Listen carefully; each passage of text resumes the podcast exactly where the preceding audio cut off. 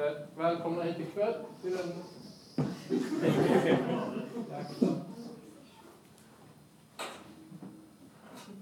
Så, till den fjärde eh, och sista av de fristående föreläsningarna eh, i Anings föreläsningsserie på tema kärlek, begär, Tinder och din obotliga ensamhet.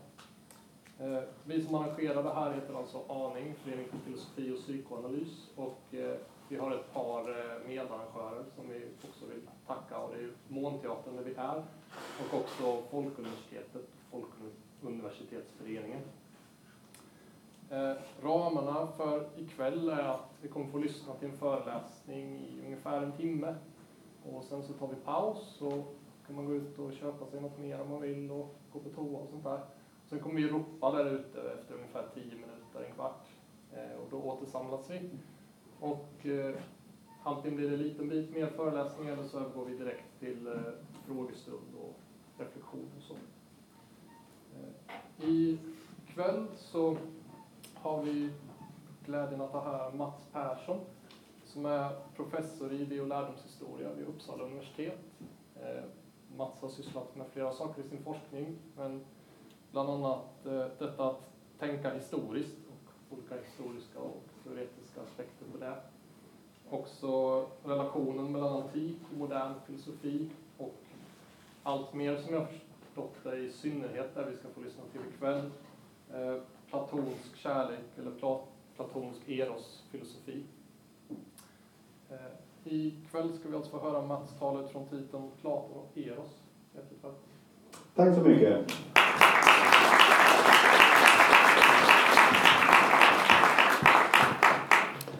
Hörs det bra när jag pratar så här? Ja.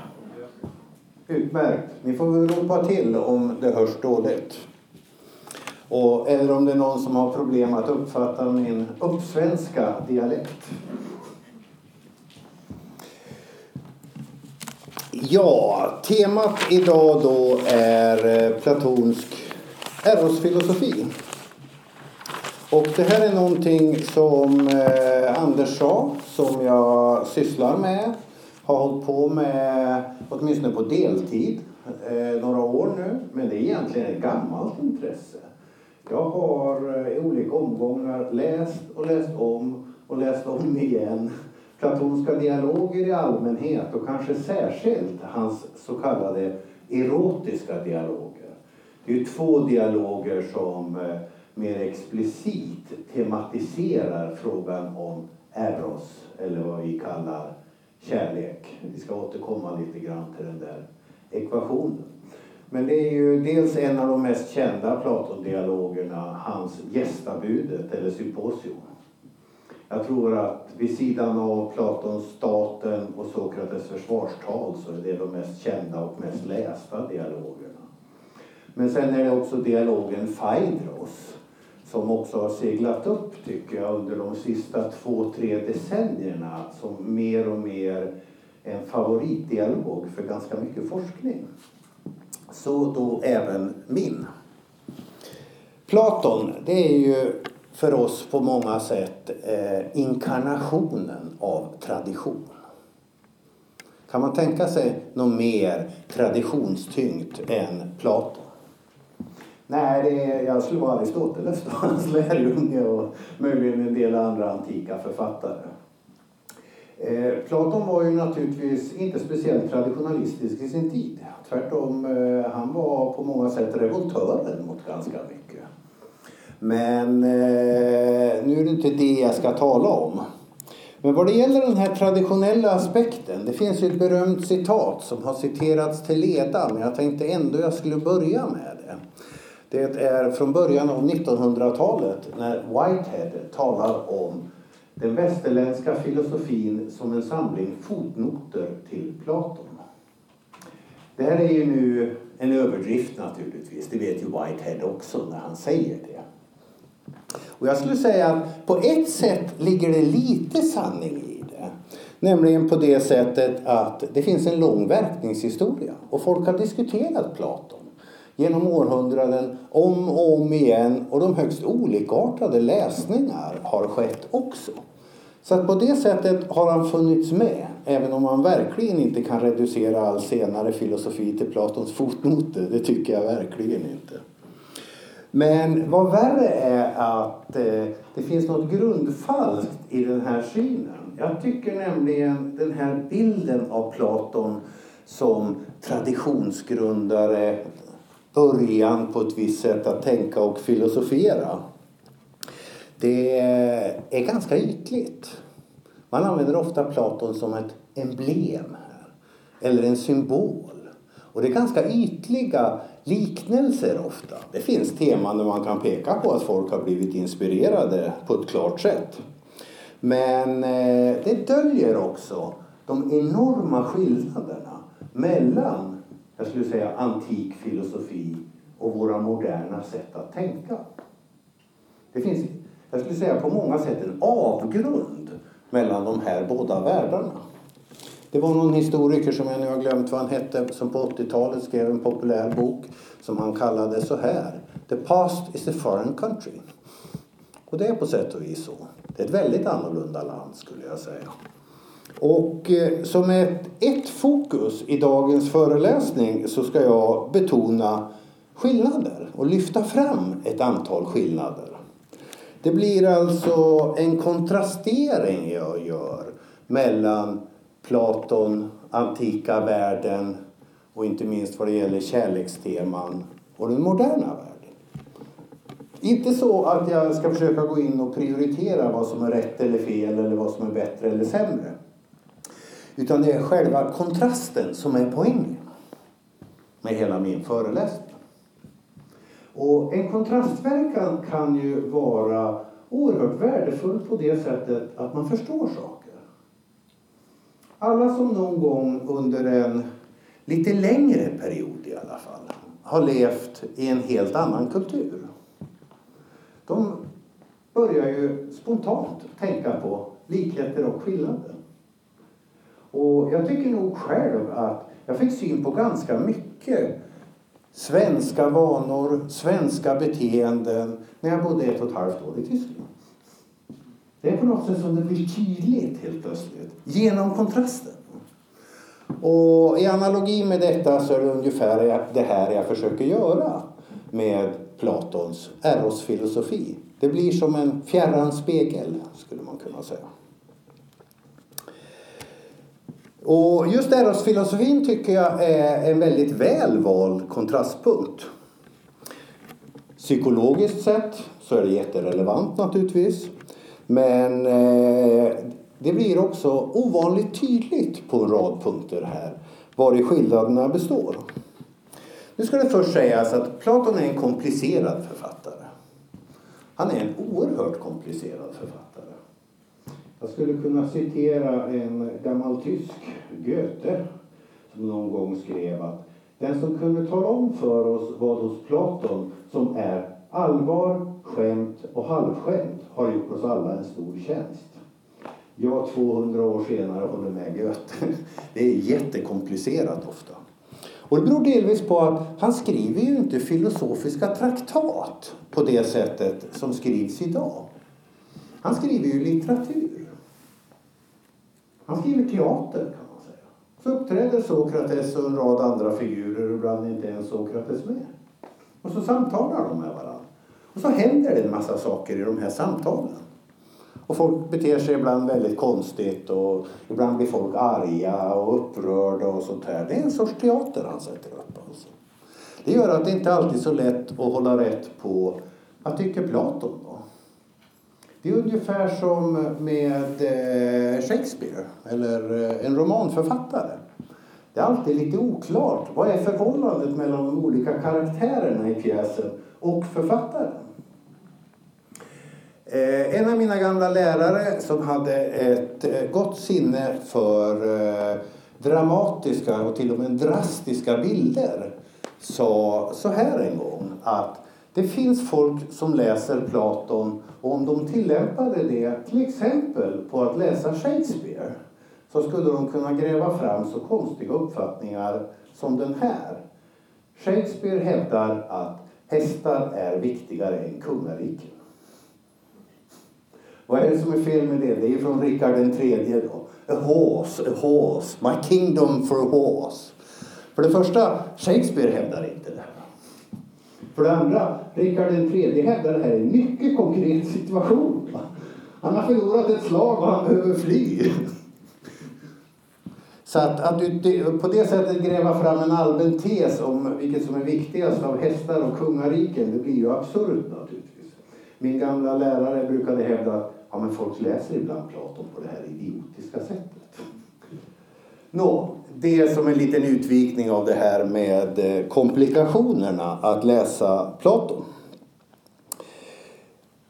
Sen är det så också att det är svårt för att det finns väldigt mycket bilder och myter i Platon. Det är svårt på det sättet också att en massa av begreppen matchar egentligen inte moderna begrepp ett till ett så att det är svårt att översätta. Låt mig då börja med en eh, bild av Platon som jag menar är väldigt spridd både bland forskare och i eh, det allmänna medvetandet. Låt oss kalla det kulturlivet. Och där finns det ju en bild av Platon som ärkerationalisten. Det är det rationella, det är det intellektuella, det är det abstrakta som står i centrum. Det är en väldigt etablerad bild. Förnuftet framställs, menar den här bilden, hos Platon som allsmäktigt styrande. I alla fall är det ditåt man bör sträva. Och i det här sammanhanget så placerar man då in det här som eh, det allmänna uttrycket som heter platonsk kärlek. Platonsk kärlek som det används i moderna, på moderna språk det betyder ju i stort sett någon typ av nära kunskap eller någon typ av kärlek utan sex. Eller om vi ska föra samman det med den här bilden av Platon som rationalisten, den abstrakta intellektualisten. Så betyder det kärlek till kunskap, kärlek till vishet. Det här är inte helt missvisande men det blir lite skruvat som en modern bild och det kommer att bli en sorts tes i det här föredraget. Min ingång är eh, Platons två så kallade erotiska dialoger. Jag kommer inte att behandla dem alls i sin helhet. Jag kommer att göra några nedslag i Sokrates-gestaltens båda långa tal i de här två dialogerna. I Symposion, eller gästabudet som det heter, där skisserar Sokrates, eller snarare, han tillskriver det sin lärare, den visar Diotima den här läran och säger då att det finns en sorts kärlekens stege och det är det rätta sättet att handskas med kärlek. Man ska börja med att älska en skön kropp och idka samtal med den, idka samvaro. Okej. Okay. Sen kommer nästa steg på stegen där man klättrar uppåt mot det rätta sättet att leva. Då är det flera sköna kroppar man samtalar med. Sen kommer nästa steg. Det är när man inser att själen är egentligen viktigare än kroppen. Åtminstone för det här som det handlar om, föra samtal med. Och det är, just, det är kanske inte så svårt att hålla med om. Det är ju själen som pratar så att säga om man nu antar en kropps dikotomi. Från den sköna själen så klättrar man vidare upp för kärlekens stege och kommer till nästa stadium.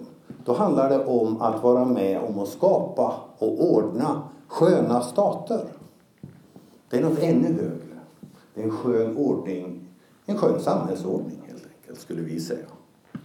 Från det klättrar man ännu vidare och kommer upp till sköna kunskaper. Det är en ännu högre grad av högt kärleksobjekt skulle vi kunna säga. Och så småningom avslöjas ovanför det förutsättningen för allting. Vad han kallar det sköna självt. Det som brukar kallas det skönas idé som man skådar då, i all dess gudomliga glans. Och det är det som är målet. För när man väl har nått hit och skådar det skönas idé då är det som om det förvandlar personen. Personen kan då framföda skön dygd, riktig visdom etc. Det är all korthet, brutal korthet skulle jag säga, den här idén om kärlekens stege som framförs i symposium.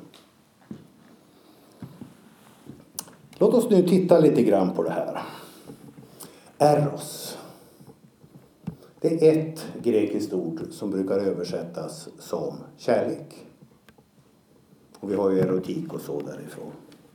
Grekerna har många ord för det vi kallar kärlek. De talar om filia, agape, afrodisia och så vidare. Men eros är ett speciellt ord. Eros har ganska starka konnotationer eller associationer på det grekiska språket. Eros är ett kärleksord där det är väldigt riktat. Begäret. Det är starkt riktat. Jag skulle säga att det är en... Eh, Ja, för det första, det är ju namn på både en gud och på en typ av begär eller kärlek. I Eros finns det alltid med ett element av stark sexuell attraktion. Och det är något väldigt kraftfullt som eh, beskrivs i antik litteratur som griper själen och tar den i besittning på ett påtagligt sätt. Det är alltså något väldigt kraftfullt som uppstår i eller invaderar själen när man känner erotisk åtrå eller eros. Eh, skulle man eh, försöka fånga det här på modern svenska så kan jag tänka mig en var, tre olika varianter. Man kan säga vara kär i, vilket är mycket mer riktat än att bara älska.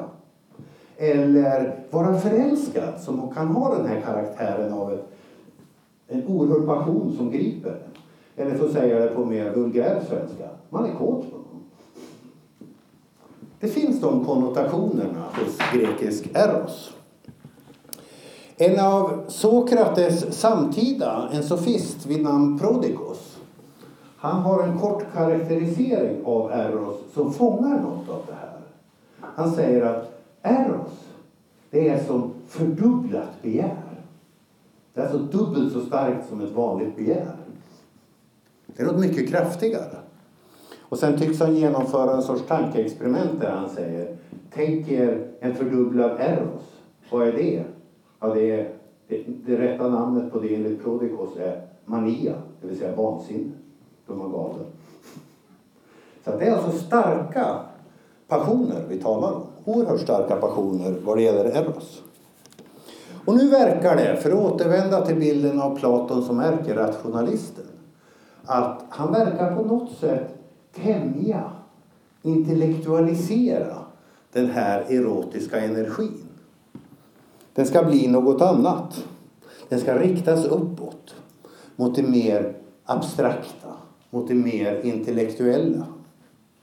Och det är ju verkligen frågan det. Jag personligen tror inte riktigt det är så det är tänkt i de platonska dialogerna. Det här kan diskuteras, det finns många olika tolkningar. Nu kommer jag att driva en rätt hård tes vad det gäller de här sakerna. Men som alltid när man driver en hård tes så får man sen stå till svars för vad man har sagt. Och så tar vi en frågestund och så diskuterar vi om det är någon som har invändningar eller synpunkter på det hela.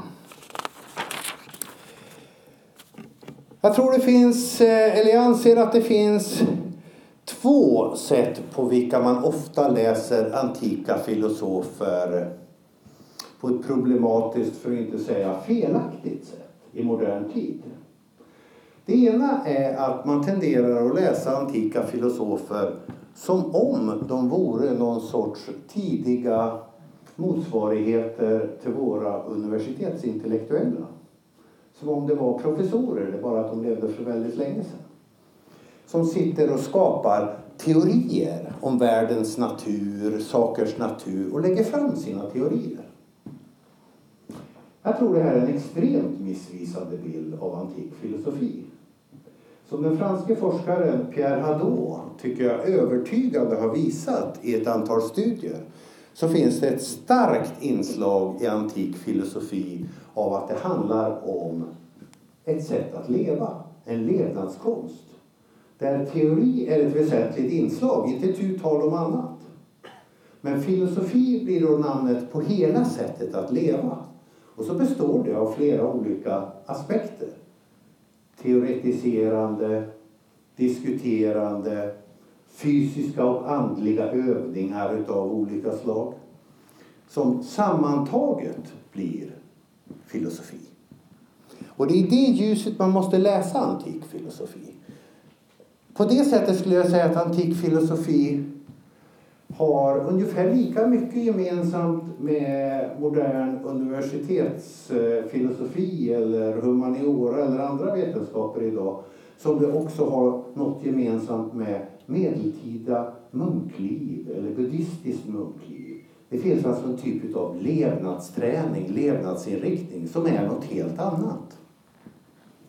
Och det måste man ta med i ekvationen när man läser antika texter.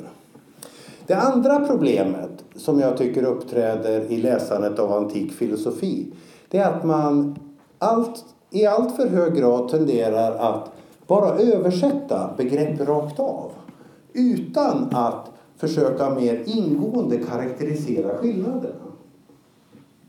Det finns något som vi skulle kunna kalla ett förnuftsbegrepp hos grekerna. Det finns ett begrepp om begär etc. Det är bara att de fungerar annorlunda hos grekerna. De skär annorlunda betecknar på annorlunda sätt. Så det blir en stor skillnad. Och det här är viktigt då att uppmärksamma när man läser om man vill försöka begripa vad som sägs. Låt mig vända mig till en annan av Platons erotiska dialoger. Den här dialogen som jag nämnde, Phaedros. Phaedros är en lång och komplicerad dialog och jag ska bara bryta ut en liten del för att närmare analysera och betrakta det och ta upp sådana här teman som jag sagt jag ska ta upp. Det är komplicerat i den här dialogen. Den börjar med att Sokrates träffar sin gamle vän Phaedros, eller gamle bekant åtminstone. Och så börjar de promenera utanför staden och så pratar de och Phaedros är väldigt uppeldad för han har just fått höra ett tal av den berömde retorikern eh, Lysias som handlar om kärlek. Så småningom slår de sig ner på landet i en liten lund och så läser Lysias, eller läser Phaedros Lysias tal. Och eh, sen håller Sokrates ett tal som är ett svar på det talet. Och så småningom blir Sokrates bestört. Han håller på att säga felaktiga saker och vill ge sig iväg. Och de bråkar och det är problem. Och till slut håller Sokrates ett andra tal där han hävdar något helt annat än vad Lysias har hävdat och vad han själv hävdade i sitt första tal. Och det blir det här långa Eros-talet och det är det jag tar fasta på i den här dialogen. Det här talet kan sägas handla om vad händer i själen när den drabbas av Eros? När den bevingade guden slår till. Då sker det ett drama i själen. Men för att förstå det här så måste vi förstå vad själen är. Och Sokrates säger att det vore en gudomlig uppgift att försöka beskriva vad själen är. Men jag kan ge en bild. Och så ger han en bild av vad själen är. Och så får vi då tre delar i själen. Eller han liknar snarare till att börja med. Själen är, säger han, som ett bevingat ekipage. Med en körsvän och två hästar. En svart häst och en vit häst. Den vita hästen är av ädelt ursprung. Den svarta är krumruggad och rödögd och tydligen av dåligt ursprung då verkar det som. Vi får alltså en bild av själen som tre delar. Körsvän.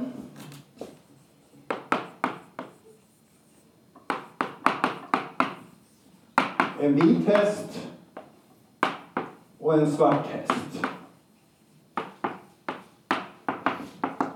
Om vi mycket preliminärt ska försöka översätta det här. Och det här är det vanliga sättet att översätta det. Och det är alls inte helt fel, men det behöver kvalificeras, utvecklas. Så kan man säga att körsvännen det motsvarar ungefär vad vi brukar kalla förnuft.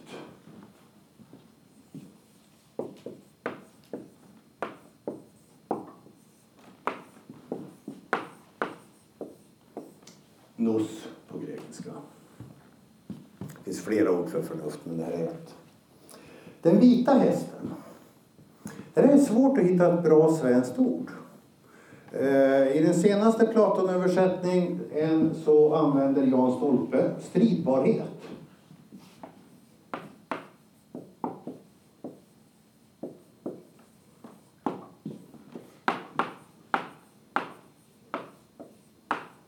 På grekiska thymos.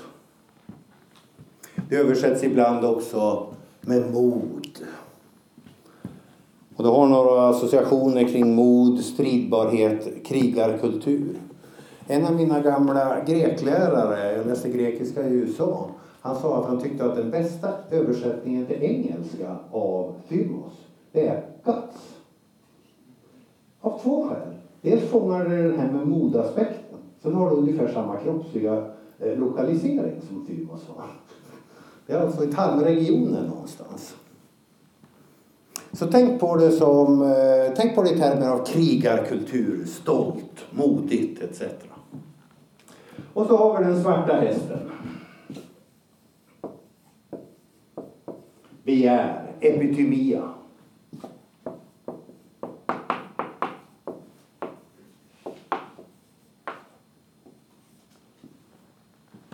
Och det kan vara alla möjliga begär. I det här fallet är det ett, eh, helt uppenbart ett sexuellt begär som fokuseras i den här dialogen.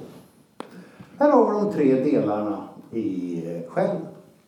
Vad händer nu när själen överfalles av Eros? När själen grips av den här kärlekspassionen, begäret, det laddade. Jo, då möter själen en skön yngling sägs det, och grips av detta starka begär. Vad händer? Jo, det är värt att notera här då att alla tre delarna av själen enligt Sokrates tal grips av Eros. Alla tre drabbas alltså. Det är inte bara begäret. Utan alla reagerar våldsamt. Platon beskriver det som en eroschock. Eh, man får lite grann den bilden av eh, eh jag vet inte, ja, de som varit med om det, andra har sett det på film eller i litteratur. Man ser en människa bara helt plötsligt som man finner så oemotståndligt attraktiv och eh, charmig och vacker. Och det är som om något uppenbarar sig. Det är ungefär i de termerna eller Sokrates gestalter beskriver det. Och så är det klart då att alla tre grips av detta begär. Eros träffar hela kroppen. Hela kroppen och alla delarna av själen. Men eh, de ser olika saker. Och eftersom de ser olika saker begär de också olika saker. Den svarta hästen ser en skön kropp. Och den svarta hästens naturliga reaktion då det är att komma så nära den sköna kroppen som möjligt. Eller som det uttrycks i dialogen, jag vill hoppa på den. Det lämnar jag åt er att lista ut vad det kan betyda. Den vita hästen blir blyg, grips av skamkänslor, håller tillbaka, jämför en typ av stolthet, stolt skygghet. Det finns någon sorts rädsla där. Körsvännen då, det som motsvarar förnuftet, grips också av en erotisk passion. Men körsvännen ser i den sköna gestalten, eller minnet av aktualiseras, det sköna självt. Den sköna idén. Det uppenbaras alltså något gudomligt hos det här. Vilket gör att förnuftet då håller tillbaka i vördnad. Här får vi en hel själsdynamik. Förnuftet ser det sköna, börjar erinra sig andra idéer, modet, rättvisan etc. Det är det gudomliga som uppenbaras. Och så försöker förnuftets impuls är att själv leva upp till det gudomliga och forma den älskade som han mött till det gudomliga. Här börjar vi känna igen den platonska filosofin igen. Nå, eftersom alla tre delarna av själen ser olika saker reagerar de på olika sätt. Och nu utbryter det en kamp i själen. En strid. Framförallt mellan körsvennen och den svarta hästen. De vill helt olika saker beroende på att de ser helt olika saker. För körsvennen är det den gudomliga uppenbarelsen. För den svarta hästen är det en attraktiv kropp som den vill hoppa på. Och det går inte riktigt ihop. Svarta hästen störtar framåt. Körsvennen håller tillbaka. Svarta hästen störtar framåt igen. Körsvennen håller tillbaka. Så det blir alltså en kamp i själen som pågår, som gestaltas på det här sättet. Här är det några saker i den här bilden som vi bör lägga märke till. Hade vi en, hade vi en sudd? Ja, annars kan man ju ta något papper bara.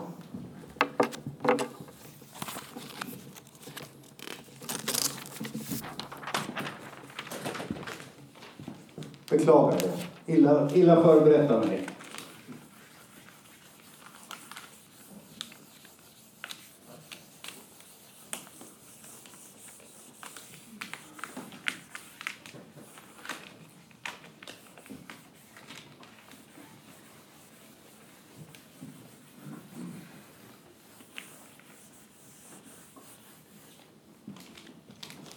Sådär, det blev väl skapligt.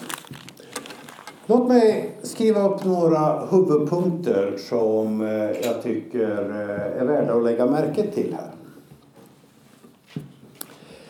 För det första har vi ju här med de här tre själsdelarna personifikationer av psykologiska krafter eller tendenser eller delar av själen. Det blir ju en väldigt tydlig bild med en körsvän, två hästar och inte minst i den antika världen så är det här en väldigt stark bild. Naturligtvis.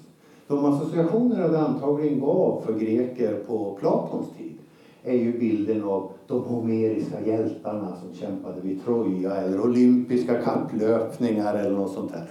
Så något väldigt upphöjt över den här bilden. Dessutom eh, hästar, det är ju något som eh, de, ja, åtminstone väldigt många av antika människor hade ett väldigt levande förhållande till. Man vet hur kraftfulla djur det är.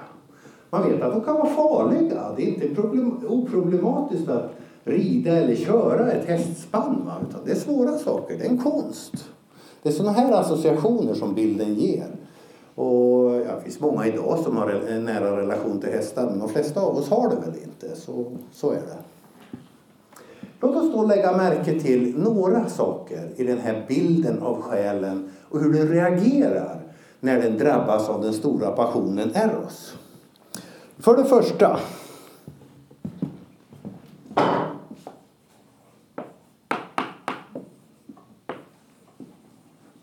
Alla delar i själen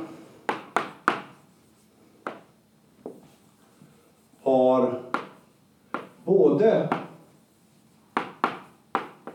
begär och förnuft. Jag har redan sagt att alla drabbas av eros, begäret. Men alla tre delarna beskrivs också som de har förnuft. Inte bara körsvennen som står för förnuftet då. Utan även den svarta hästen. För vad gör den svarta hästen? Ja, den försöker störta framåt och hoppa på det älskade objektet. När det till slut inte går för att den vita hästen stretar emot och körsvennen stretar emot, då börjar den prata. Och den börjar argumentera och säga, nej men kom igen nu då. Lite har vi väl förtjänat i alla fall. Alla vedermödor och så här. Jag ska väl ha något också, va? säger den. Och dessutom visar det sig att den svarta hästen är en helt lysande retoriker. Den svarta hästen vänder sig till den vita hästen. Och tänk nu efter på att den vita hästen, det är ju det zoologiskt förkroppsligade modet. Och vad säger den svarta hästen? Jo, den säger fegis, du vågar inte. det är en ganska bra retorik alltså. Stoltheten brukar inte reagera väl på att bli kallad fegis. Det, så är det. Så det är en jättebra retoriker. Det märkliga nu är att den här striden som utbryter, förnuftet argumenterar inte. Förnuftet håller tillbaka. Och så börjar den slå den svarta hästen. Med käpp och dra i tyglarna och blodet flyter på den svarta hästen. Så det är liksom en enorm paradoxal bild. Det här begäret som vill sex, det argumenterar. Medan förnuftet använder brutalt våld. Det är liksom verkligen upp och nervända världen. Nu skulle jag vilja påstå att förnuftet ändå handlar rationellt. Därför att den svarta hästen låter sig inte tyglas av argument. Om inte annat av ett väldigt enkelt skäl. Och det här säger Platon i förbigående några sidor tidigare. Det är typiskt Platon att lägga ut små ledtrådar så han leker hela tiden. Då säger han, den svarta hästen är död. Så den kan alltså prata och ge bra argument, men den kan inte höra motargument. Va? Och det är klart, om förnuftet har en annan åsikt då, då är det rationellt att slå istället. Det går inte att argumentera med den svarta hästen. Och jag menar, det är antagligen inte svårt för de flesta av oss att relatera till det där att vi ibland har begär som verkar väldigt, ge väldigt rationella skäl men inte lyssnar på motargument. Va? En var enkel variant av det som inte nödvändigtvis har med sex att göra det är så kallad rationalisering. Det är precis så det fungerar. Nå. Sen är det i flera omgångar den här kampen. Det går fram och tillbaka. Men jag skulle säga då att det andra saker som är värda att lägga märke till det är att alla delar i själen handlar rationellt på sina premisser utifrån var de ses. Alla delar i själen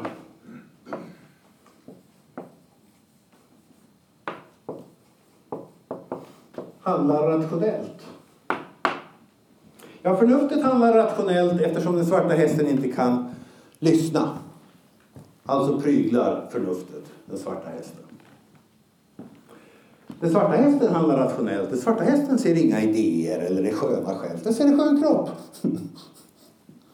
Och det är det som är föremålet för begäret. Så det är klart den vill hoppa på den. Det är helt rationellt på dess premisser. Så inte nog med att alla delar har begär och förnuft, utan alla handlar rationellt också. Ser ni hur komplicerat det blir med förnufts och begärsbegreppen? De skär på annorlunda ledder än vad det gör för oss. Och det tycker jag är en av lärdomarna man kan dra av det här.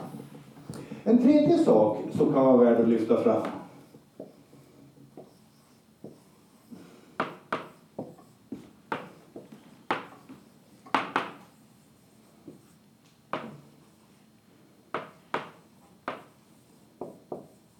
det är dynamikens betydelse i den här kampen mellan den svarta hästen och körsvennen. Därför det beskrivs faktiskt så att körsvennen håller tillbaka. Efter ett tag börjar mattas chocken hos körsvennen medan den svarta hästen driver vidare. Fast ju närmare den svarta hästen driver hela själsekipaget till den älskade, ju tydligare ser körsvennen. Men det är den svarta hästen som får förnuftet att komma närmare, eller körsvennen att komma närmare. Va? Så den fyller, skulle vi säga på modernt språk, en produktiv funktion i själsdynamiken. Den för ständigt själen närmare och förnuftet ser mer och mer utav det gudomliga som uppenbaras. Så man skulle kunna säga utifrån sett så har den svarta hästen en väldigt viktig funktion att fylla. Den för det närmare och närmare. Jag vet inte, jag, när jag fantiserar lite kring det här så får jag någon sorts känsla av, det är nästan som någon sorts tantrabuddhism eller något sånt här. Det gäller liksom att hålla, öka den erotiska upphetsningen så mycket som möjligt och samtidigt hålla tillbaka det slutgiltiga. Nå, det tycks mig som att det finns vissa paralleller där. Det fjärde vi bör lägga märke till i den här själskampen Det handlar då om filosofi som ett levnadssätt.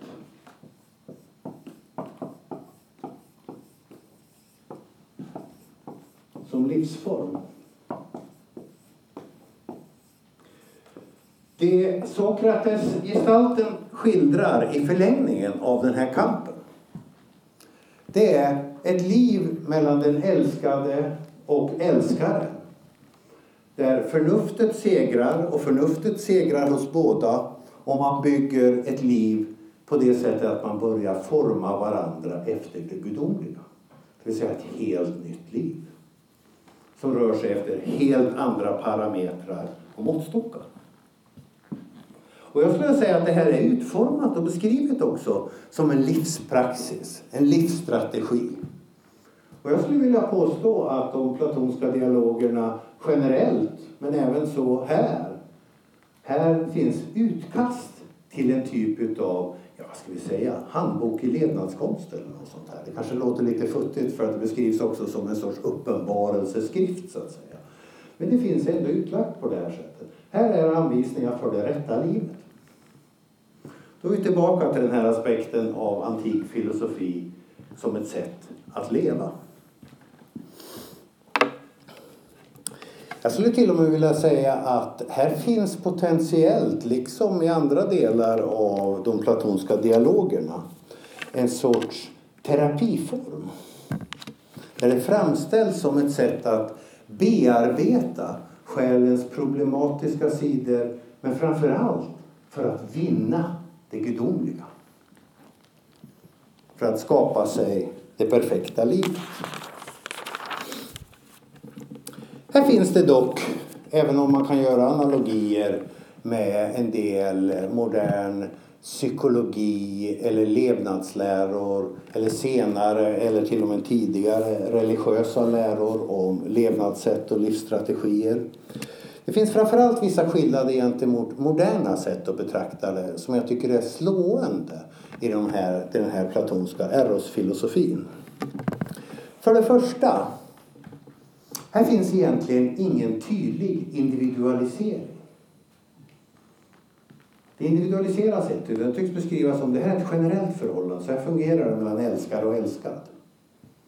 Det specificeras aldrig mer än så. Alltså. Och det är ganska typiskt i platonsk filosofi att det, talas all, det betonas aldrig de individuella dragen. Utan alltid när det resoneras så talar de om olika typer av människor. Platon talar i vissa dialoger om fem olika människotyper. I en annan säger han nio. Vilket antagligen då betyder, inte att han har ändrat sig, utan snarare att det är något antal. Det spelar ingen roll. Kan du tänka på en till? Det är väl lite grann den attityden, så att säga. Men det är fortfarande typer. För det andra som är väldigt slående, och inte bara här, utan i Platons skrifter överlag, när han behandlar själen. Det finns ingenting om själens utvecklingshistoria. Det finns inte alls ett sådant perspektiv. Och det är ju precis tvärt emot, skulle jag säga, egentligen all modern psykologi. Det tycks inte vara viktigt. Och jag tror det finns ett skäl i deras sätt att tänka kring de här frågorna som gör att det inte är viktigt för dem. Eller en anledning till att de inte reser frågan. Och här är det inte bara Platon, utan här är det antika filosofer överlag. De eh, tenderar att betona filosofi som en typ av naturfilosofi. Människan är som hon är, möjligen olika typer av människor. Men de är som de är och så ger vi generella anvisningar till hur ska man leva livet snarare och hur ska man tänka. Det individuella spelar här ingen stor roll och inte utvecklingshistorien heller. För sina grunddrag så är, enligt antik filosofi skulle jag vilja påstå, Människans problem ungefär de samma. Och lösningarna ungefär de samma. Rent generellt alltså. Och det är ju väldigt stor skillnad gentemot perspektiven i allmänhet i modern psykologi. I varierande grad visserligen.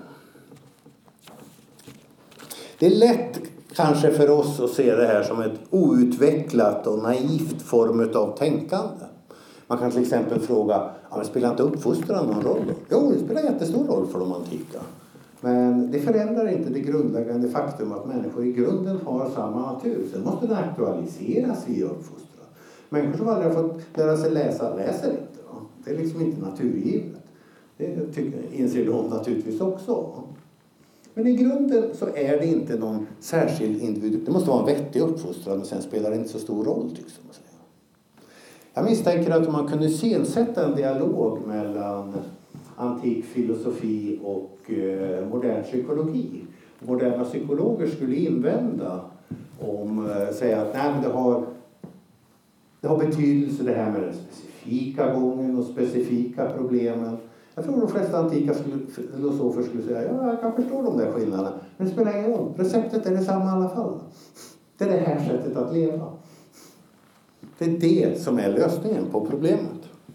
Ni kan älta det förflutna och bakgrunden och barndomsupplevelser och vad det nu är i all oändlighet. Det hjälper i alla fall inte.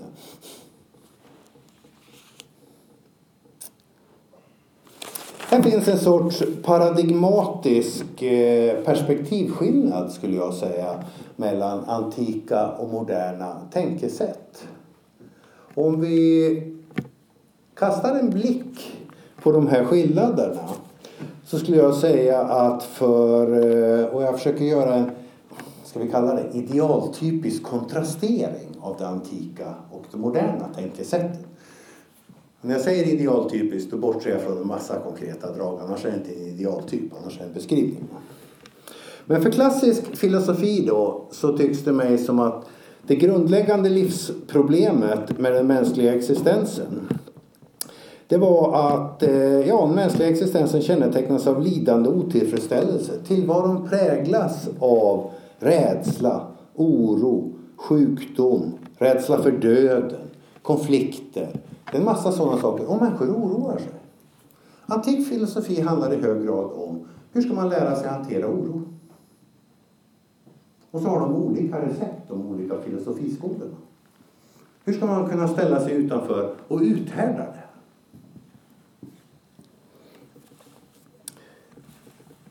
Och den här diagnosen gäller då generellt. Och antik filosofi har generellt sett en väldigt pessimistisk och jag skulle säga mörk bild av det vanliga mänskliga livet. På det sättet har antik filosofi en karaktär utav frälsningsläror. Det är alltså inget som börjar med kristendomen i Grekland eller Rom utan det finns i eh, antik filosofi analoga läror skulle jag säga och med andra medel och på andra sätt. Det är ganska typiskt också att många av de antika filosoferna, när de talar om kristendomen, så talar de om det antingen som vidskepelse eller som, vad det gäller de mer sofistikerade varianterna, då kallar de det den kristna filosofin. De ser det som en filosofi alltså. På samma sätt som sin egen, visserligen dålig filosofi, men det är en filosofi. Va? Det har så att säga samma poänger. Eh, Ur antikt filosofiskt perspektiv skulle ett försök att fokusera på individuella faktorer vad det gäller mänskliga problem så tror jag att deras svar skulle vara då ser man inte skogen för alla träden. Man ser inte det generella. Det skulle vara deras perspektiv på det moderna. Man ser inte att de individuella problemen är varianter av precis samma problem. Och är det inte på det ena sättet så är det på det andra. Och det här står då i ganska skarp kontrast till det moderna sättet att ta och tänka. Och jag tror eh, en eh, modern tänkande människa från 1800 och 1900-talet, psykolog eller filosof, skulle invända mot det antika och säga ni ser inte det individuella, ni ser inte träden, ni ser bara skog. Det vill säga precis den omvända anklagelsen. Ni är för generella. Och jag skulle vilja påstå att i modernt tänkande finns det en stark tendens att inte se det mänskliga livet som i första hand någonting tragiskt, någonting hopplöst, någonting eländigt. Förvisso kan det finnas tra tragik, oro, rädsla, elände etc. Men det går att bota på något sätt. Det vill säga att det finns ett naturligt mänskligt liv och som i princip är möjligt för de flesta, där man kan ordna till det. Och det är därför det finns en, jag skulle säga i grund och botten, en mer på positiv människosyn i moderniteten. Man tilltror människan mer och det normala mänskliga och vanliga mänskliga livet någonting mer. Jag tror också det visar sig i eh, vad man fokuserar sig på i olika epoker. Jag tror något som har en väldigt stor betydelse här det är den moderna epoken och erfarenheter av maskiner. ekonomisk tillväxt, tekniker för att åtgärda olika saker. Det vill säga, man ser hur det går att tekniskt behärska, manipulera, förändra. Vilket är något som också skapar väldigt mycket förväntningar, väldigt mycket hopp och som är en integrerad del av en mer optimistisk syn på den mänskliga tillvaron. Om man läser någon av de antika och eh, låt oss ta här som utgångspunkt inledningsorden i den stoiske filosofen Epiktetos. Handbok i livets konst brukar hans bok översättas som och det är en okej översättning. Men där säger han i början att det finns två typer av saker som vi kan möta i livet. Dels det som står i vår makt och dels det vi inte kan kontrollera. Det som står i vår makt det är våra åsikter, vårt begär, vad vi gillar, vad vi avskyr etc. Det kan vi kontrollera. Sen finns det det i livet som vi inte kan kontrollera. Det är vår samhällsställning, vår kropps hälsa, eh, rikedom, egendomar etc. Det kan vi inte kontrollera. Och ganska typ, på typiskt antikt sätt säger då Epiktetos den första gruppen, det vi kan påverka, lägg all energi där. Den här sista gruppen, egendom, hälsa, kropp etc. Det är likgiltigheter, adiafora. Det spelar ingen roll. Och när man läser det här som en modern människa så man att det är precis tvärtom mot vår moderna kultur ungefär. Vi har liksom allt fokus på egendom, rikedom, kroppens hälsa etc. Det är i och för sig många som har fokus på de här första sakerna Epiktetos nämner också. Men det är en märklig omvändning mellan två kulturepoker. Det här nu inte sagt för att prisa varken det moderna eller det antika. Som jag sa från början, jag arbetar med att få upp kontrasterna för att tydliggöra olika premisserna för sätten att tänka. Och det är ett sätt också att synliggöra vad, eh, ja, på sätt och vis vilka liv vi lever och vad vi håller på med nu för tiden. Det var ett litet blygsamt bidrag åtminstone till de sakerna. Jag tror, eh, nu har jag talat väldigt länge och eh, det är så länge så att eh, enligt all forskning har koncentrationen börjat, koncentrationskurvorna börjat vända dramatiskt neråt hos er. Och är ni normalt funtade så följer ni det mönstret. Det här är ju statistik. Va? Men, så att jag tycker vi bryter för en paus där. Och så Förhoppningsvis kommer ni tillbaka med frågor och reflektioner. Jag vill eh, gärna höra vad ni har att säga och vara med och diskutera själv. Tack för det.